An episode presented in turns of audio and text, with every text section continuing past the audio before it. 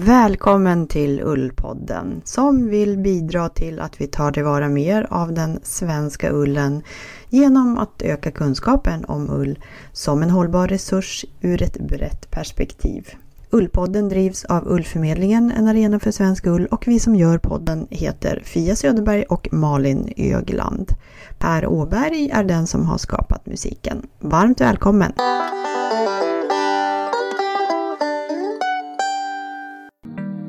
Det är lite synd att använda så fin ull som till exempel isolering och sånt när den har så bra fysiska egenskaper som vi som människor kan dra nytta av genom att ta på oss den.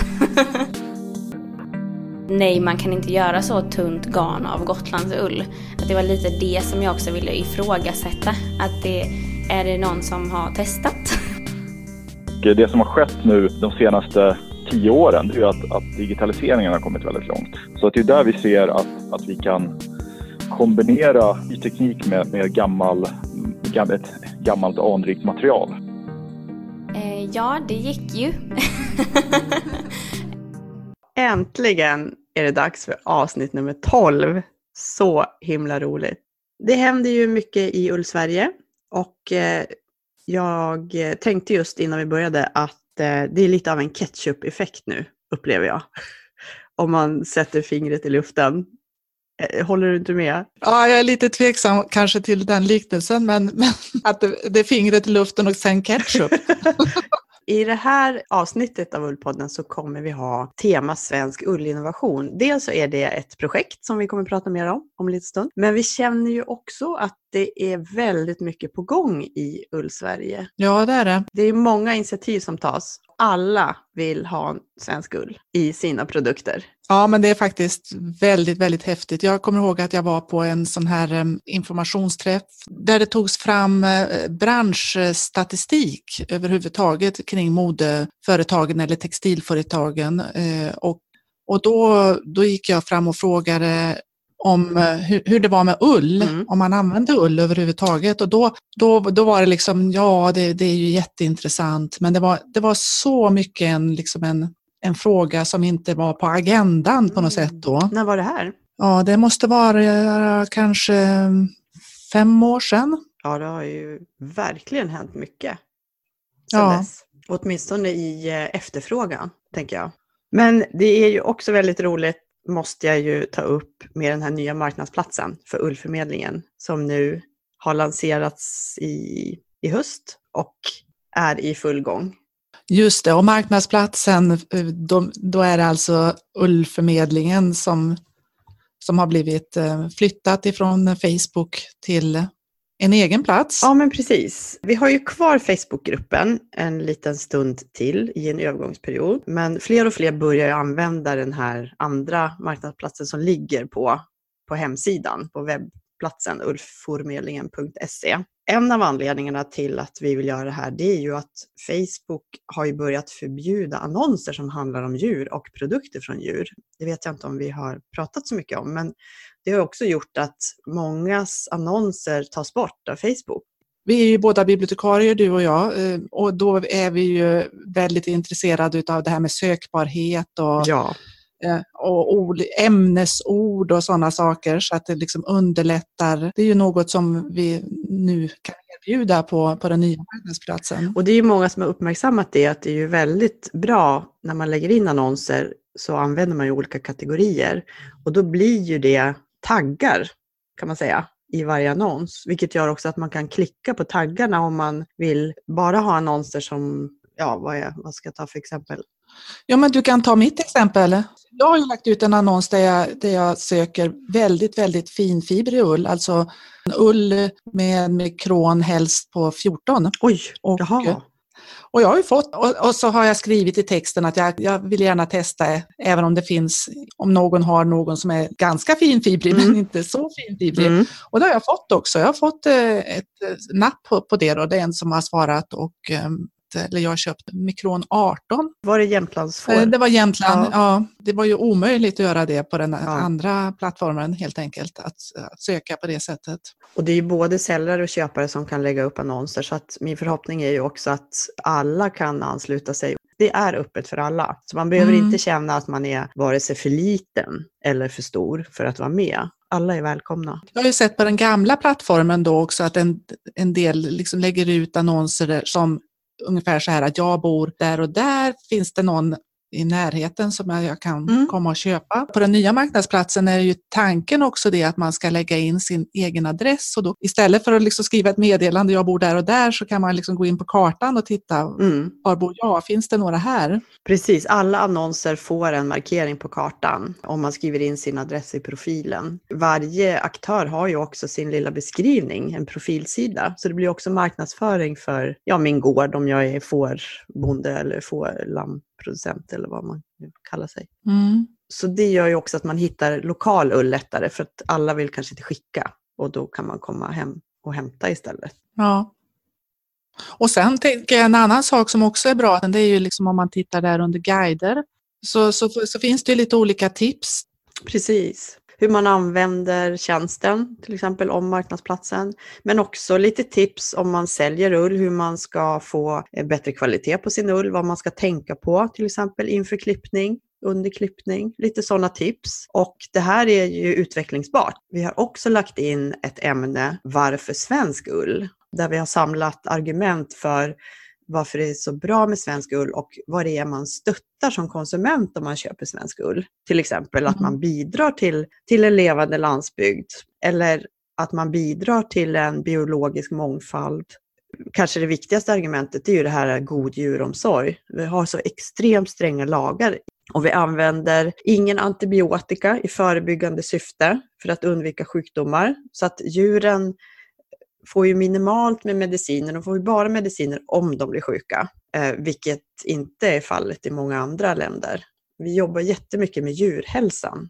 Även ullen då är ju ganska fri från olika ämnen och pesticider och i många andra länder så behandlar man ju fåret på rutin, liksom, för att den inte ska få alltså hudparasiter och så. Men vi är väldigt försiktiga med det i Sverige och det påverkar också ullprocessen. Det här med att eh, vilja, vilja bidra på något sätt eller stötta goda initiativ så har ju vi något som, eh, som heter Patreon. Om man tycker då till exempel att Ullförmedlingen är ett bra initiativ för en hållbar värld. Och det, det Mm. har vi ju också en, en Patreon som just har skrivit det som ett eh, Mm. argument. Patreon kan man väl översätta till eh, liksom, ja, stöttare helt enkelt. Ja, man, man kan ju lätt eh, gripas av eh, uppgivenhet inför framtiden. Men istället för att göra det, stötta någonting som man tror på. Och då kan man till exempel också välja då att, att stötta Ullförmedlingen och Ullpodden. på www.patreon.com snedstreck ullformedlingen. Och där kan man då teckna sig, det, det är ju på engelska, men det är ju väldigt lätt att liksom signa upp sig. Och då kan man spara ett par dollar i månaden eller det belopp som man vill ge till projektet. Och där kan man också läsa om våra mål med varför vi finns på Patreon. Så det är värt jättemycket. Funderar du det minsta lilla på att göra detta så varmt välkommen. Och som Patreon, man får lyssna på Ullpoddens avsnitt tidigare än alla andra. Och sen kanske det kommer eh, bli flera sådana här eh, gåvor från oss till er. Och sen har vi ju också våra annonsörer, måste vi nämna. Ja, hur funkar det nu igen? Vi har ett antal annonsörer som vi själva gillar och handlar från ibland. Det är till exempel Odla, Granngården, Jordklok, Bokus, Adlibris. Så, vi gillar ju böcker. vi gillar kunskap. Så att Bokus och Adlibris är ju viktiga annonsörer. Och då gör man så, om man ändå ska köpa någonting direkt från Bokus, så istället för att googla och logga in på sitt konto så kan man klicka från våra länkar. Och de finns samlade på webbplatsen ullformedlingen.se. Men ibland så dyker de också upp i, på Facebook-sidan Ullpodden.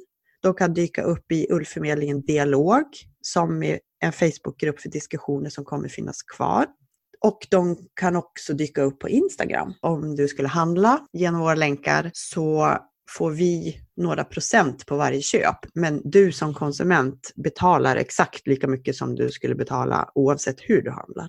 Så det här är ju verkligen någonting att fundera på nu inför julhandlingen, julklappstips.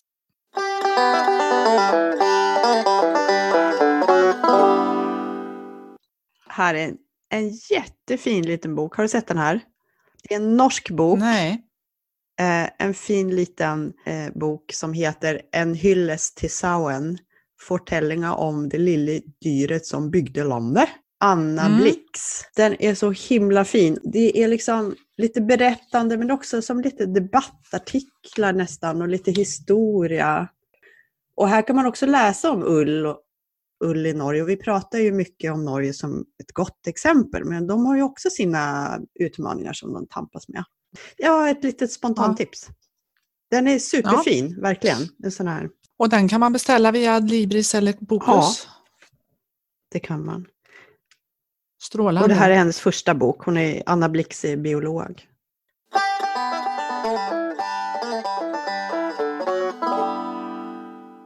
Vet jag att ni sitter där ute allihopa och undrar vad, vilken fåras blir det? Vilken är månadens fåras? Månadens fåras är Värmlandsfåret. Vi har ju pratat om allmogeraserna i ett avsnitt av podden. Det är ju ett samlingsnamn för flera raser faktiskt. Det är ju tio olika raser. Allmogeraserna har ju sitt ursprung i olika regioner och fåren har ju hållits lokalt i ganska slutna besättningar, vilket också gör att man har behållit olika egenskaper. Men det har också blivit en väldig bredd på färger och ulltyper och exteriör och så vidare. Så att de här olika raserna skiljer sig åt. En väldig bredd i variationen, men det är också det man vill bevara. Sen ungefär 20 år tillbaka så finns de här allmogeraserna i genbanker och Värmlandsfåret, om vi tittar på det, så finns det idag 178 besättningar som håller Värmlandsfår i genbank. Sen finns det ju de som har de här raserna som inte är med i registren också, men i alla fall. Och eh, 2018 då så fanns det 1544 tackor och 195 baggar i avel i det här dataregistrets eh, elitland där vi registrerar alla får, vi som använder det här verktyget. Och 2018 föddes det 2876 lamm. Mm. Det är ganska många Ja. jämfört med de andra allmogefåren. Mm. Tackorna kan väga mellan 45 och 85 kilo, vilket är ju jättevariation. Baggarna 50 till 90 kilo. Färger, beige, brun, grå, svart, vit. De kan också vara skäckiga. Och ullen passar bra till hantverk. Skinnen blir väldigt fina, praktfulla fällar. Och eh, tittar man på ullen då så är det bred variation i typ. Det, det finns exempel på gobelängull, ryaull, men också bra vammalsull. Det här blir jag väldigt nyfiken på för att jag har faktiskt inte kunskap om vad bra vammalsull är. Har du det Malin? Nej, det har jag inte. Jag känner bara till det som ett begrepp. Vi slängde ut en fråga på Ullpoddens Facebook-sida också om det är någon som har erfarenheter av Värmlandsullen. Jag har fått ett par svar här. Vera Fredriksen, filtmakare, hon skriver att den är bra att spinna, sticka, nålbinda, tova kraftigare filt och pälsimitationer. Den är också bra till tovade skor. Som, jag vet att Vera har tagit fram ett par skor. Mm. Och sen ska vi se, sen har även Kia Gabrielsson kommenterat. Då menar hon att eh, den här ursprungliga vammalsullen som Värmlandsfåren hade tidigare, eh, att den har blivit eh, lite förstörd eftersom man har importerat norsk spelsau. Tidigare så fanns det en väldigt tydlig, alltså fantastiskt mjuk vammalsull på många av de här individerna som kommer ifrån norra Värmland. Det glömde jag säga i början. En man som heter Bengt Sonesson som startade den första genbanken. Och där fanns det många individer som hade fantastiskt fin vammalsull. Då. Vi har också ett vittne ifrån Mimmi Flodman som bor i Jämtland som har Värmlandsfår. Hon har inte jobbat så mycket med ullen, men hon har sålt en hel del till eh, handarbete. Och hon vet att det är många som både har tovat och spunnit. Men hon har inte så mycket koll på hur resultatet har blivit. Då. Det hon har gjort är ullkransar. Men hon säger att det spontant så känns det som att det är en väldigt mångsidig ull. Och eh, det vittnar väl många om. Har du själv någon erfarenhet av Värmlandsullen? Ja, jag har spunnit lite grann utav den och, och eh, men jag, framförallt jag, jag fick en, en säck med Värmlandsull som var liksom lite nougatfärgad så jag färgade den i, i lite rosa och så liksom förstärkte den här färgen. Det blev väldigt, väldigt fin färg tycker jag. Ja, det är också min bild att de här naturfärgerna är väldigt fina. Mm från Värmlandsfåren. Det blir många olika bruna och beiga mm, nyanser. Mm, nougat. Vilket blir liksom mm. väldigt mjukt och fint. Mm. Jag vet också folk som har spunnit mattgarner av Värmlandsullen och eh, vävt mattor. Mm. Mm, väldigt snygga.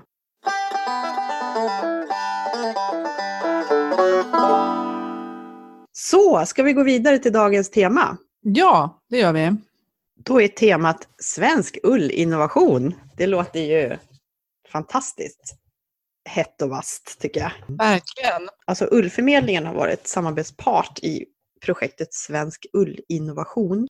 Mm. Men bakom projektet Svensk ullinnovation så står Rebecka Josefsson som är initiativtagare och hon är student på Textilhögskolan i Borås och hon startar nu upp sin idé som hon kallar för Tomorrow Textiles.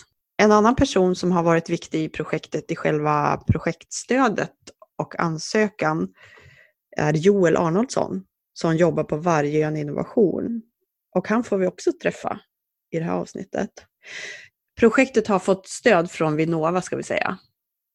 Och egentligen är det, det som har eh, skett hittills då i projektet, det är en förstudie. Och syftet har varit att undersöka möjligheten att just att producera plagg av svensk ull i Sverige på ett nytt sätt. Och vi har ju haft svårt att producera plagg i Sverige eftersom vi saknar en inhemsk industri i stor skala. Det finns ju faktiskt en ganska omfattande småskalig industri som eh, ligger nära hantverket. Då. Vi har ett antal gårdsspinnerier, sådana här minimills. Eh, vi har andra större Eh, spinnerier. Vi har ungefär tio, men vi har inte liksom så mycket industri i stor skala och vi saknar ju till exempel ett kamgarnsspinneri. Det har vi ju pratat en del om i podden då och nu. Mm. Och det är ju mm. många som säger att det, det är liksom en, den tekniken som behövs och som vi saknar i Sverige för att man ska kunna göra väldigt tunna garner. Mm. Här har då eh, Rebecka velat undersöka praktiska och tekniska förutsättningar för en automatiserad tillverkning av ullplagg i en särskild teknik som vi kommer få höra mer om. Och hon ville också testa Gotlandsullen eftersom det är den vanligaste ullen i Sverige som vi inte gör så mycket av storskaligt så att säga. Men även Värmlandsullen har Rebecka tittat lite på. Hon berättar inte så mycket om det, men projektet har tagit fram sen då prototyper av olika plagg. Och det får vi höra mer om när Rebecka berättar det här, eller hur? samarbetspartnerna i, det här, i den här förstudien, vi kan ju säga vilka det har varit. Då är det Tomorrow Textiles eh, som är Rebecka Josefsson. Vi har Vargön Innovation, Ullkontoret, tvätteriet på Gotland, eh, Högskolan i Borås, framförallt med Smart Textiles och Ullförmedlingen mm. och sen A New Sweden, Lisa Bergstrand har varit inblandad. Ja, och sen har vi också Tiger of Sweden. Så det är som två aktörer som representerar modebranschen. Och vad det här kommer leda till i framtiden vet vi inte i, just idag, men det har varit väldigt spännande att eh, följa Rebecka Josefsson och hennes un undersökningar, tycker jag. Det har det verkligen. Mm. Men ska vi ta och lyssna? Det gör vi. Och då gör vi så att vi, vi lyssnar på Joel först och sen direkt efter det kommer Rebecka, så återkommer vi efter.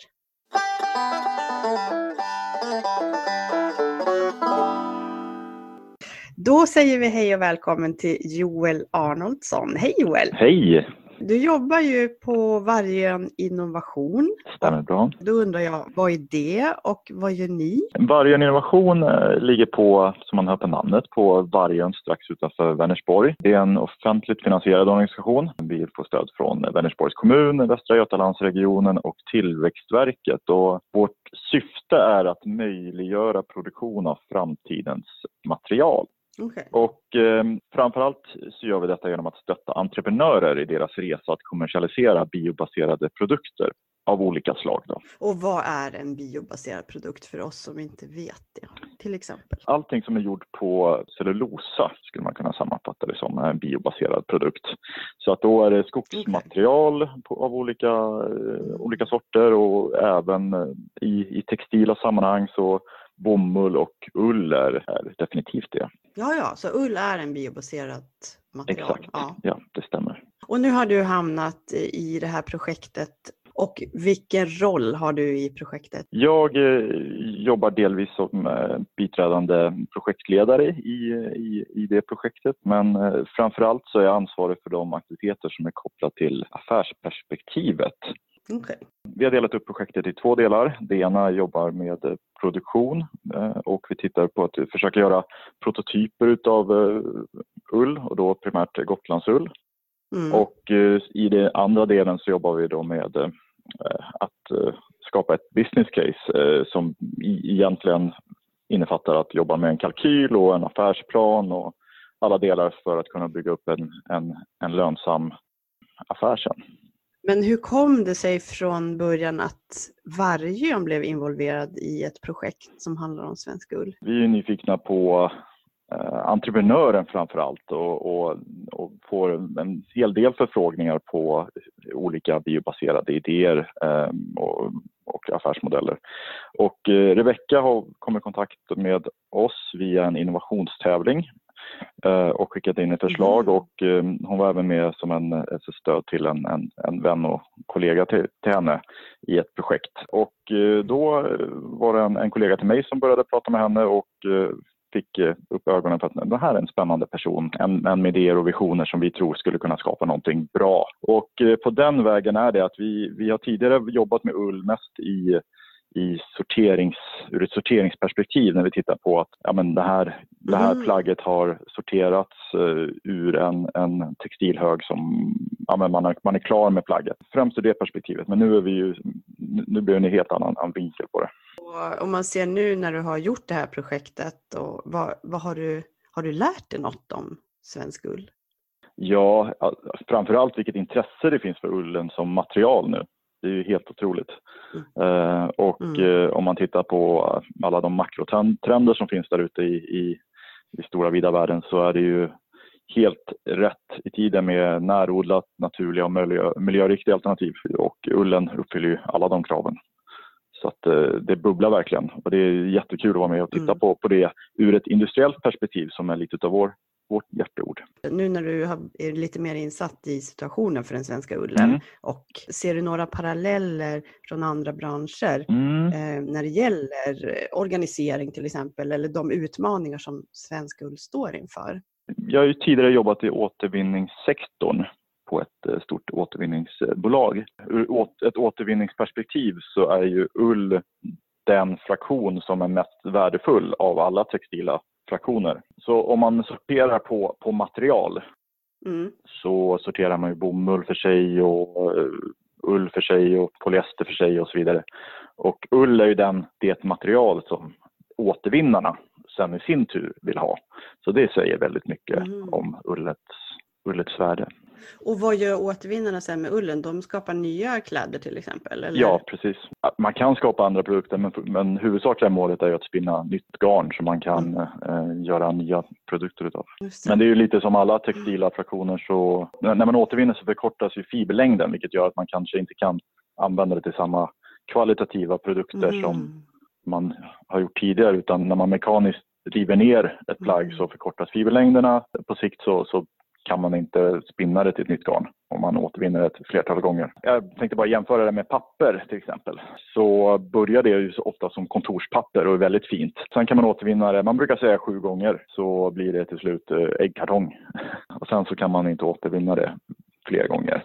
Hur många gånger tror du man kan återvinna ull? Har du någon uppfattning om det? Om jag ska gissa så ska jag säga att det är något liknande. Ja. Och de här återvinningarna, de, finns de i Sverige? Det huvud, huvudsakliga finns i, i, utomlands, så är det. Men om det finns någon aktör i Sverige, det, det vågar jag inte på.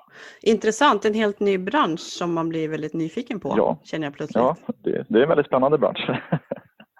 Och eh, där kan man se många likheter. Nu, nu var inte jag med för ett antal decennier sedan, men eh, förr i tiden i återvinningsindustrin så var det inte ett antal stora företag som dominerade utan det var mer lite skrotnisse-stuket.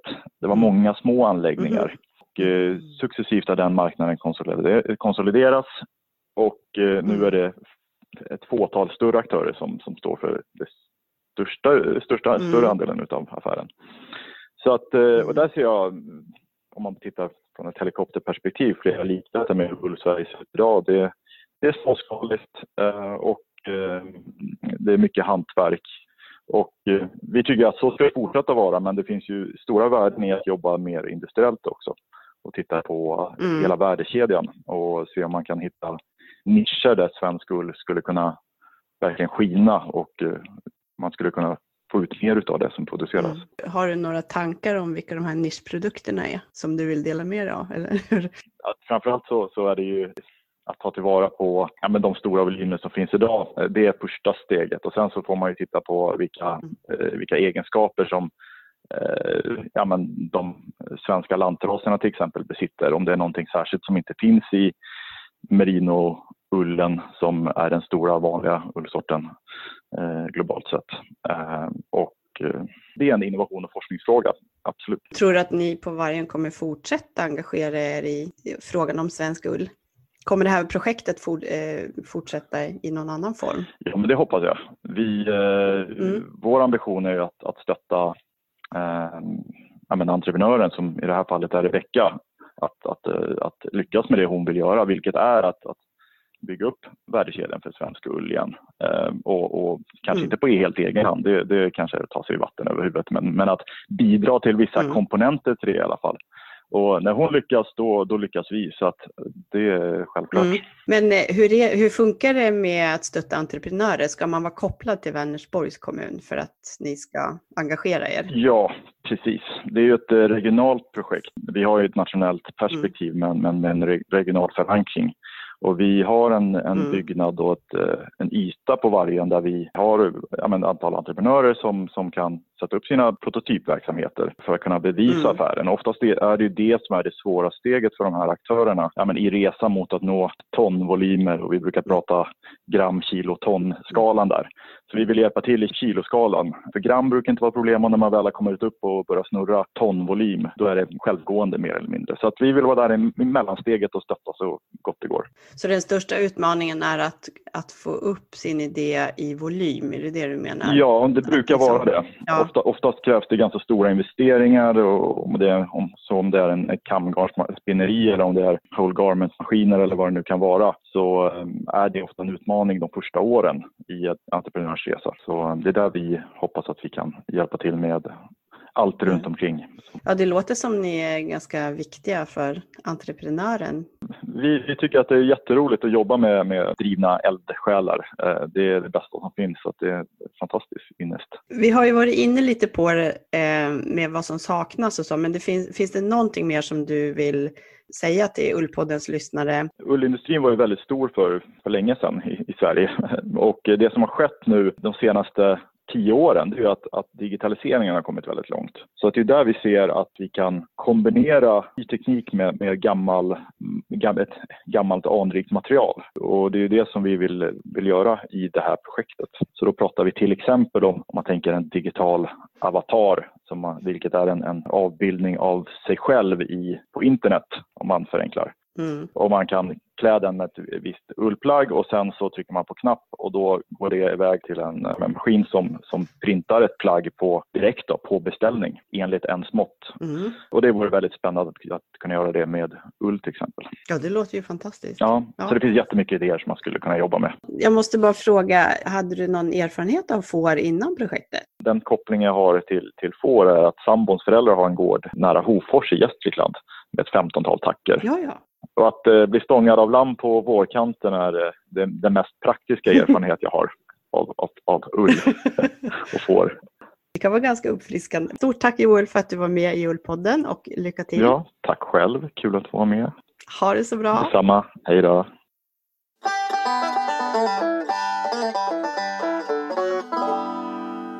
Då sitter jag här med Rebecka Josefsson. Hej Rebecka! Hallå, hallå! Kan vi berätta lite om dig själv? Ja, jag studerar till textilingenjör på Textilhögskolan i Borås. Och under den tiden eh, på Textilhögskolan så har jag fått lära mig en massa saker eh, om eh, ull. Och det är ju därför som jag är här. precis, för att du har jobbat med ett projekt som kallas för Tomorrow Textiles, är det så? Ja, precis. Och det gör du på ett eget initiativ? Alltså det är inte inom utbildningen menar jag?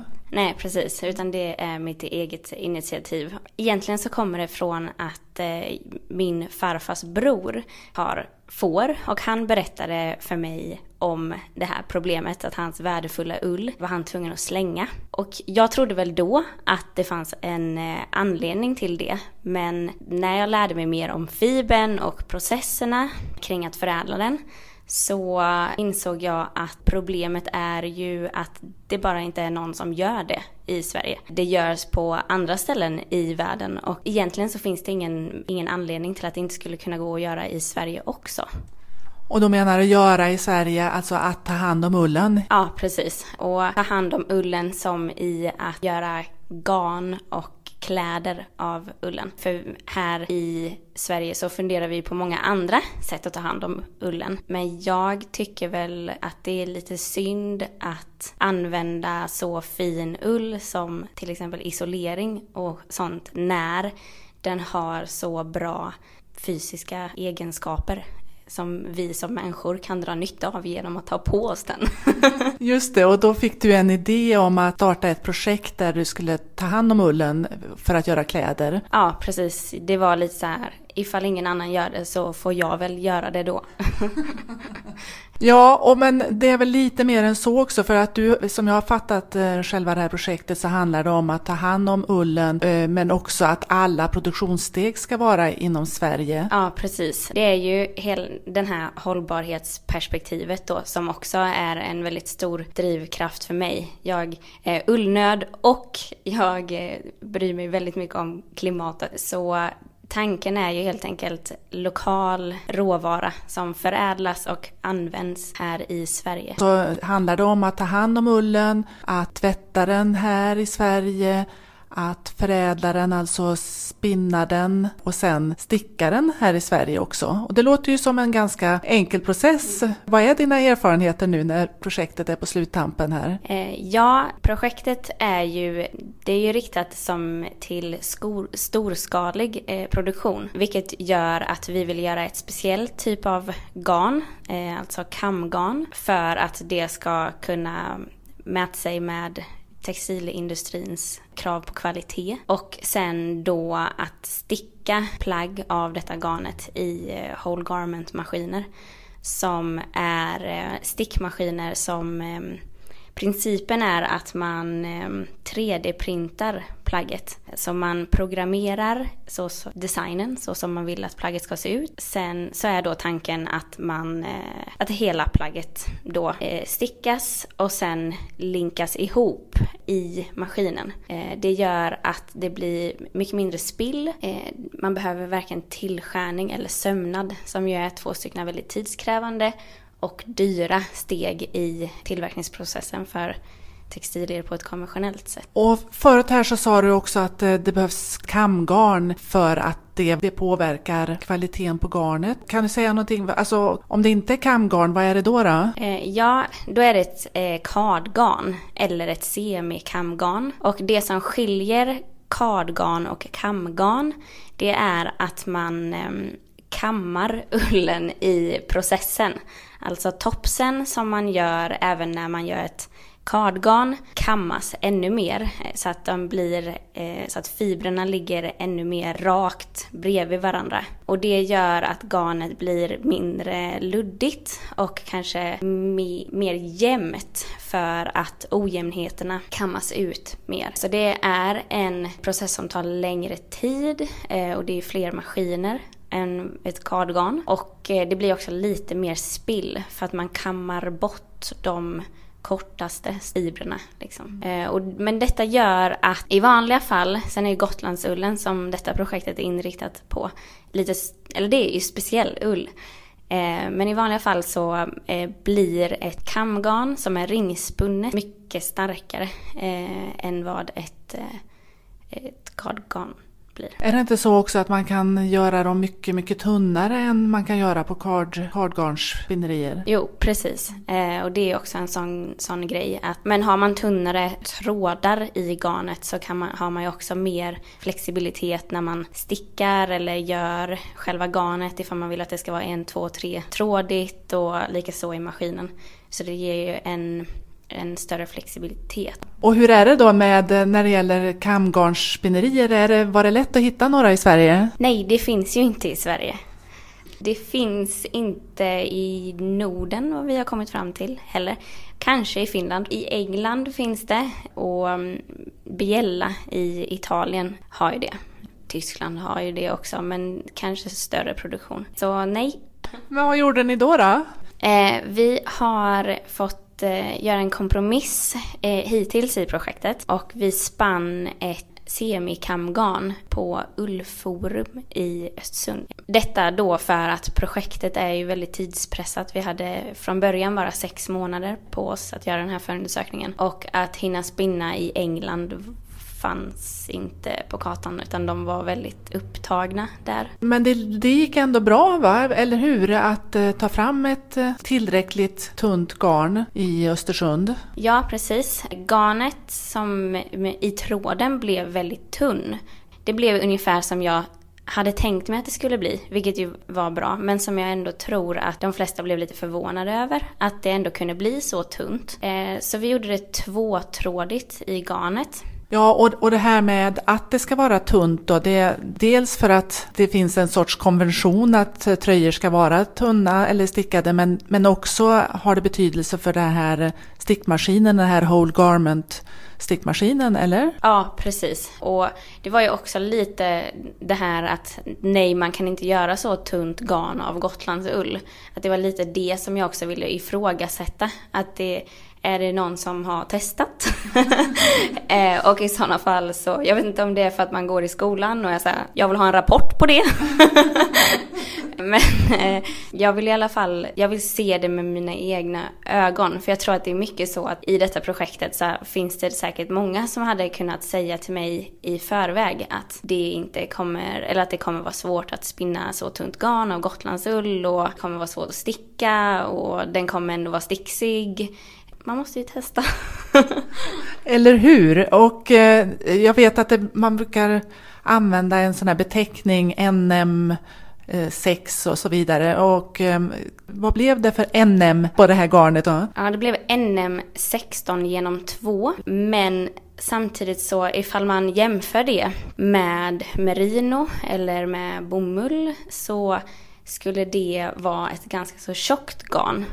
Men Gotlandsullen är, eh, den är väldigt tung i sig. Det är en fiber som har hög densitet, vilket gör att den ja, väger mycket. Så ja, det numret, det säger väl sådär mycket egentligen. Eh, men sen så finns det kanske inget bättre sätt att mäta det på heller. Men apropå det här att du vill se dig själv med egna ögon. Det här är också ett sånt här resultat då att du vill egentligen ifrågasätta det här måttet. Vi behöver ett annat mått kanske för att beskriva garnets kvalitet. Ja, det är väl så att det är ett ganska så enkelt mått. Man väger liksom en kon som väger, ja, man kan liksom mäta ut det. På en kon så är det så här eh, många meter och så väger man den liksom. Det är väldigt enkelt. Men det man hade velat göra är kanske att ha någon, att man mäter tjockleken på garnet på flera ställen på garnet och sen gör något slags medelvärde av det.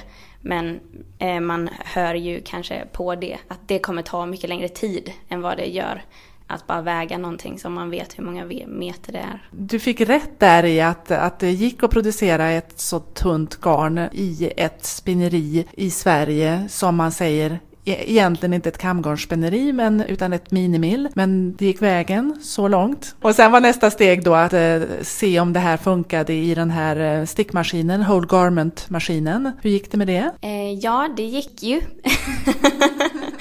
Eh, sen så, eh, Whole Garment-maskinen är ju så, vi hade en design och när man programmerar en Whole Garment-maskin så får man utgå från en grunddesign och sen modifiera det utifrån den design man har. Och eh, detta tog helt enkelt lite längre tid än vad vi hade trott att det skulle göra. Så sen så mm, när vi väl stickade så garnet är ju ändå ganska tjockt. De här maskinerna är väl mer vana vid att sticka finare fiber och då tunnare garn. Vilket gjorde att det blir lite komplikationer. Sen så var det också så att vi fick bestämma designen lite utifrån garnet. Och garnet visade sig vara lite ostabilt när vi stickade slätstick. Eh, så maskorna drog sig. Och det gjorde att vi fick göra designen på tröjan i ribbstick.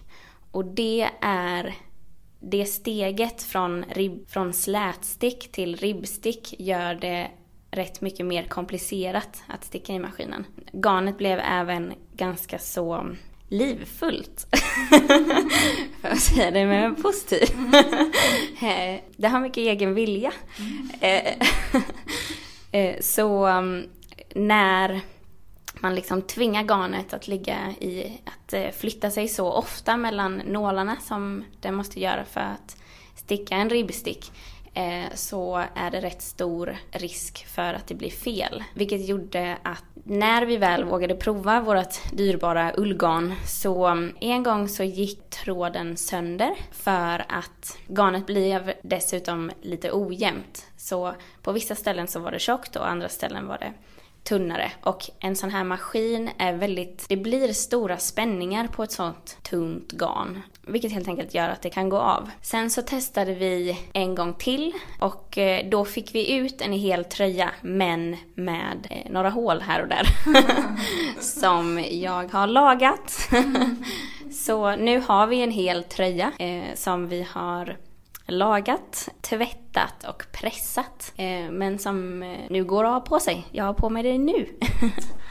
Och den är också så snygg. Så nu är alltså man kan säga då att det gick. Det gick vägen. Du eh, har producerat en tröja hela vägen från svenska får till svenskt tvätteri till svenskt spinneri till svensk stickmaskin. Och också med en eh, ett modemässig design. Vad skulle du säga är dina största lärdomar ifrån det här projektet? Det är att eh, det tar eh, rätt lång tid eh, att eh, tillverka produkter i eh, eh textilbranschen. De flesta spinnerierna som vi har i Sverige är eh, rätt så upptagna med eh, det som de har att göra. Liksom. Jag skulle väl också säga att vi fortsätter ju att tro att det kommer gå att göra kamgarn av det. Vi har fått eh, projekttiden förlängd för att eh, ha möjlighet att göra ett helt kamgarn i eh, England. Men det är inte helt säkert att vi kan än utan eh, eh det är fortfarande kort tid för de är väldigt, väldigt upptagna i England också. Och att sticka av garn tillverkad av eh, svensk ull, det går ju också. Däremot så har, vill man ju testa ännu fler saker. Vi hade inte så många dagar på oss utan vi hade två hela dag på, dagar på oss att både programmera och sticka. Vilket visade sig vara lite för kort tid. Så under den förlängda eh, perioden på detta projektet så kommer vi dessutom att försöka sticka um, några mössor. Vad är nästa steg nu tänker du? Eh, nästa steg skulle ju vara att egentligen sätta upp ett eh, kamgarnspinneri i Sverige. Frågan är ifall man vill testa det mer eller ifall vi under den här tiden hinner att eh, testa att det går att göra kamgarn också. Annars så kanske det är riskfullt att starta ett direkt. Men däremot så verkar det ju finnas ett, en efterfrågan på det i Sverige. Så mm, dels att starta ett kamgarnsspinneri kamgarnspinneri och sen eh, då inköp av sådana här stickmaskiner. Och det ligger väl kanske, skulle man köpa en stickmaskin nu så är det väl produktion om typ ett år. Eh, Medan att starta upp ett spinneri tar kanske lite längre tid innan man har en produktion som, som är så stor att man kan ta in order från textila modeföretag. Vilket ju är den sektorn som jag skulle rikta in mig till i sådana fall. Just det, du tänker att det finns en potential här för Sverige att bli leverantör till modeföretag. Det handlar inte om hobbystickare eller hantverkare med småskalig produktion utan... Nej, precis, utan för att ta hand om den kvantiteten av ull som slängs idag så tror jag att eh, det behövs göra, alltså man behöver också tillverka mycket garn av den här ullen och det behöver bli tröjor. och det måste vara många personer som, som köper de här tröjorna. Det är ju mer riktat till en skor, storskalig produktion. Mm. Men har vi, har vi verkligen så mycket ull då för det här? Eh, vi har räknat ut att de, de siffrorna som kommuniceras eh, av hur mycket ull som eh, tillverkas varje år går ju uppåt 1200 ton ull om året. Och eh, Fia har i detta projektet räknat ut att vi uppskattar att det är omkring 750 ton så pass kvalitativ och bra ull så att man kan göra, alltså förädla det. Sen är det ju uppdelat i raser och sånt också. Vi har väl också räknat på en produktion som om 10 år kanske blir 200 ton eh, garn. Då finns det liksom ändå utrymme för andra att, att, ta tillvara på den ullen också. Så jag skulle säga att det absolut finns ull. Mm. Och det tillverkas, det är också en förnyelsebar, så det tillverkas ju varje år. Det är inte så att det försvinner. Nej, och det här är ju svårt tycker jag då att veta, ja 200 ton, är det storskaligt? Det är ju storskaligt för att vara Sverige. Däremot så är det ju inte speciellt storskaligt för att vara textilbranschen. 200 ton garn blir ändå en hel del tröjor ifall det är det man gör. Räknar man att en tröja då i överkant egentligen väger ett kilo, vilket snarare kanske är ett halvt, så blir det ju en hel del tröjor. Jag frågar ju dig vad, var, vad som var den största utmaningen här, men vad, vad tycker du har varit den positiva överraskningen då?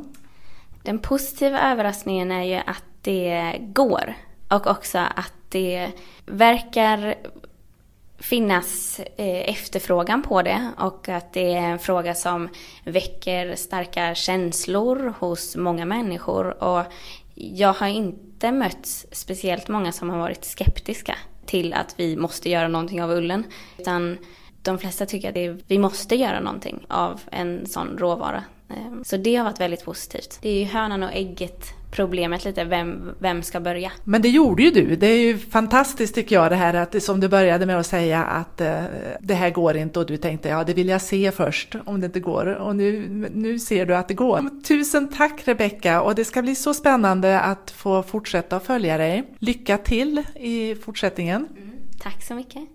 Nu är ju säkert så att man sitter här ute i stugorna och undrar hur går det för, för Rebecka och uh, hur, hur, ska vi liksom kunna hänga med på det här? Ja, jag uppdaterar mest på Instagram så just nu så är det Instagram man kan följa mig på, på tomorrow.textiles. Kul!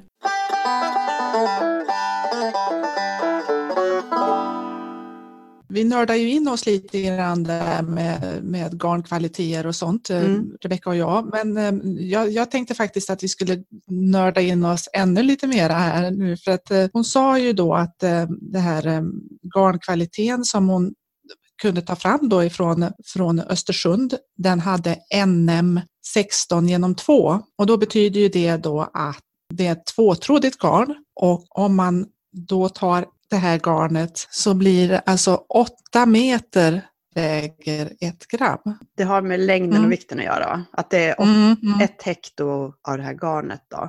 Hur långt är det? Då blir det 800 meter. Så har jag fattat ja. det. Det där är ju om man är en avancerad stickare så ser man ju sånt. Det brukar stå sånt på hur, mycket, hur långa garnerna är liksom, mm. så att säga, när man köper en härva garn. Mm. Och, och det här är ju tunt mm. då, om man jämför med, med annat. Men, men jag tänkte också att det var intressant att höra liksom, ja, men hur tunt. Mm. Eh, Lisa Bergstrand då, som har tagit fram ett, eh, en kollektion av tröjor utav Jämtlandsull. Hon, hon sa ju det här att eh, det här är det tunnaste garnet som har mm. spunnits av svensk kvalitet. Mm. Och hon hade då NM 36 genom 2. Okej. Okay. Och hur många meter blir det då? Ja, om jag har fattat det rätt då så blir det 18... 100, eller hur? 1,8 kilometer? Ja. Det är ju jättelångt på ett hekto. ja. Det är ju fr- fram och tillbaka upp till min stora väg här.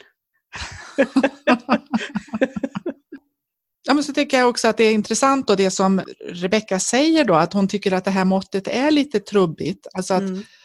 Eh, 16 genom 2 med ett Gotlands garn är tunnare än vad 16 genom 2 skulle vara med ett Jämtlandsgarn därför att själva liksom densiteten i Gotlands ullfibern är, är högre än en annan fiber. Just det, och de beter sig ju lite olika beroende på ullkvalitet också. Om, om ni kommer ihåg det här när i, i våras så, eller i somras, så, då, då intervjuade ju jag två eh, studenter, Mm. Sara och Silje. De hade ju åt ett företags räkning då undersökt eh, om man kunde använda svensk garn istället för, vad- som jag förstår det så hade de ju angivit då liksom de mått som vi har till buds nu, eh, alltså då NM-måttet och trådigheten, Mm. alltså om det var två eller tre eller vad det nu var för trådighet. Och, och ändå så såg man att eh, garnet då betedde sig liksom så, så väl, väldigt olika. Mm. Och de menade ju då på att, att det räcker inte med de här måtten utan man måste titta liksom mera på själva fibern också.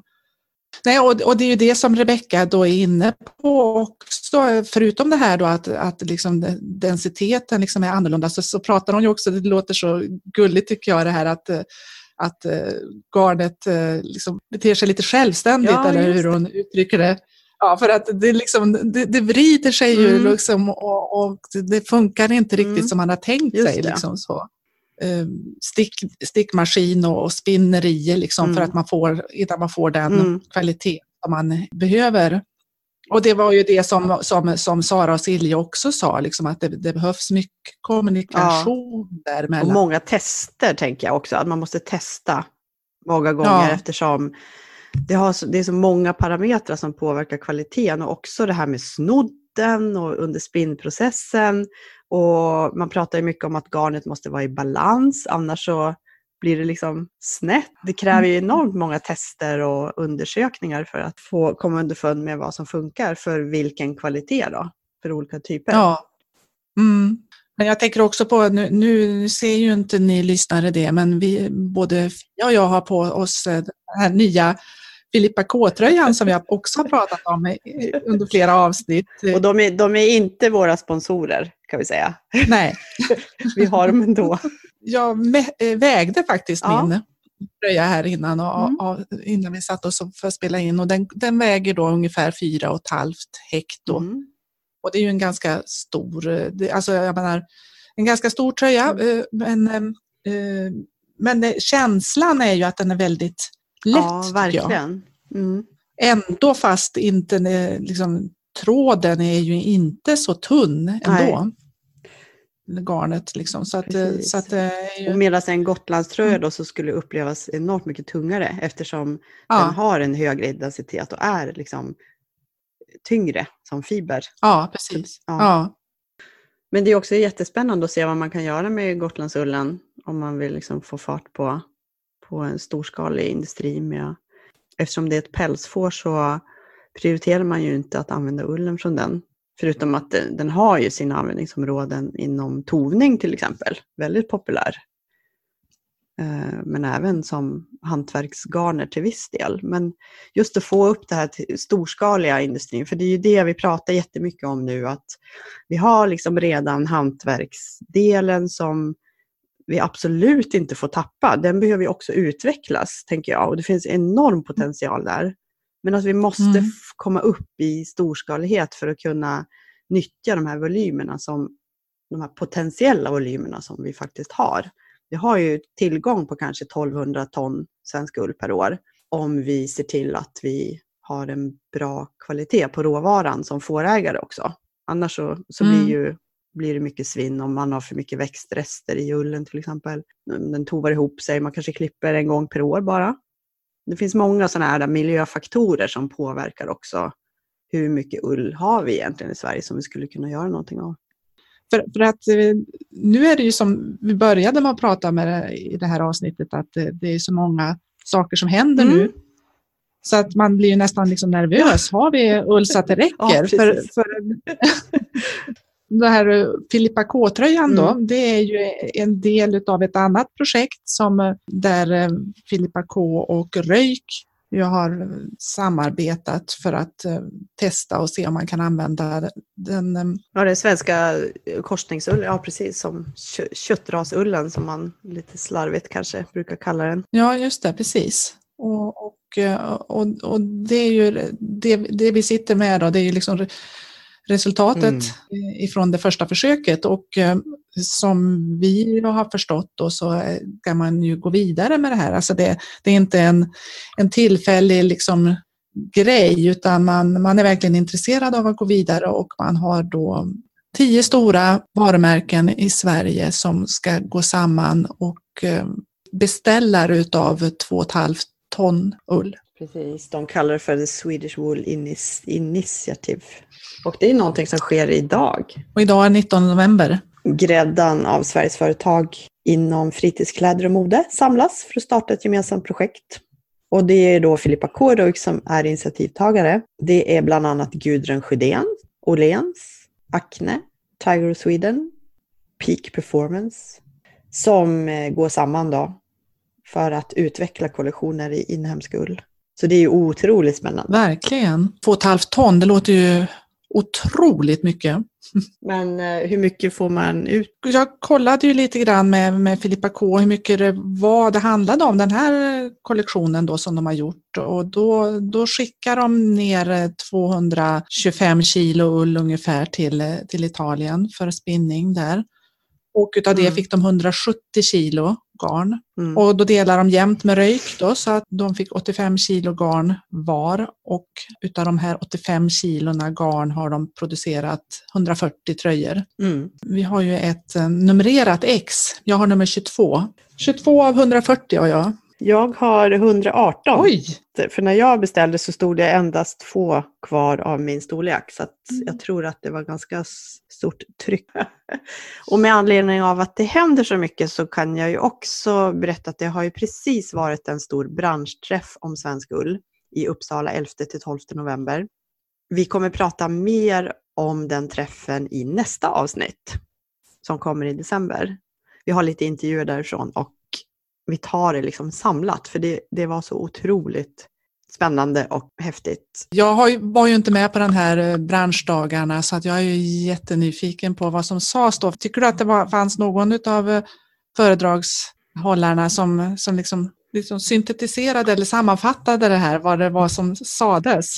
Ja, vi, hade, vi fick ju lyssna till Trend-Stefan och han, jag tycker att han sammanfattar en ny era på ett väldigt effektivt sätt. Här kommer han. Hej Stefan! Ja, hej, hej. Vad har du att säga till Ullpoddens lyssnare? Vad är det viktigaste du vill skicka med? Det viktigaste vi har för 2020 det är happy. Happy är det nya svarta och den som inte fattar att man måste träffas, göra saker tillsammans och leta efter glädje, den kan lägga sig ner och dö. Okej. Vi ska avsluta med lite kunskapstips. Vi började ju med att prata böcker i och för sig. Men jag har ju ett digitalt kunskapstips Mm. Som jag måste lyfta och det är ett nytt, relativt nytt Instagramkonto som heter Textilresan. Mm, de följer jag också. De lyfter ju olika evenemang kopplat till textil och mycket handlar ju om ull och det är ju både i Sverige men även Norge har de tipsat om också. Mm. Ja, känns jättekul att följa dem. De har en blogg också. Bra, men då säger vi tack och hej för den här gången. Det gör vi. Hej då! Ja, Så ses, ses vi snart ja igen. tack och hej. Tack och hej, ha det så bra. Hej då! Hej då!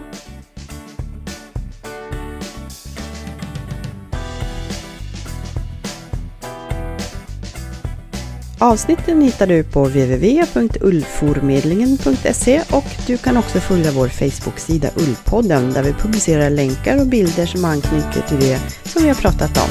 Ha det så bra, hej då!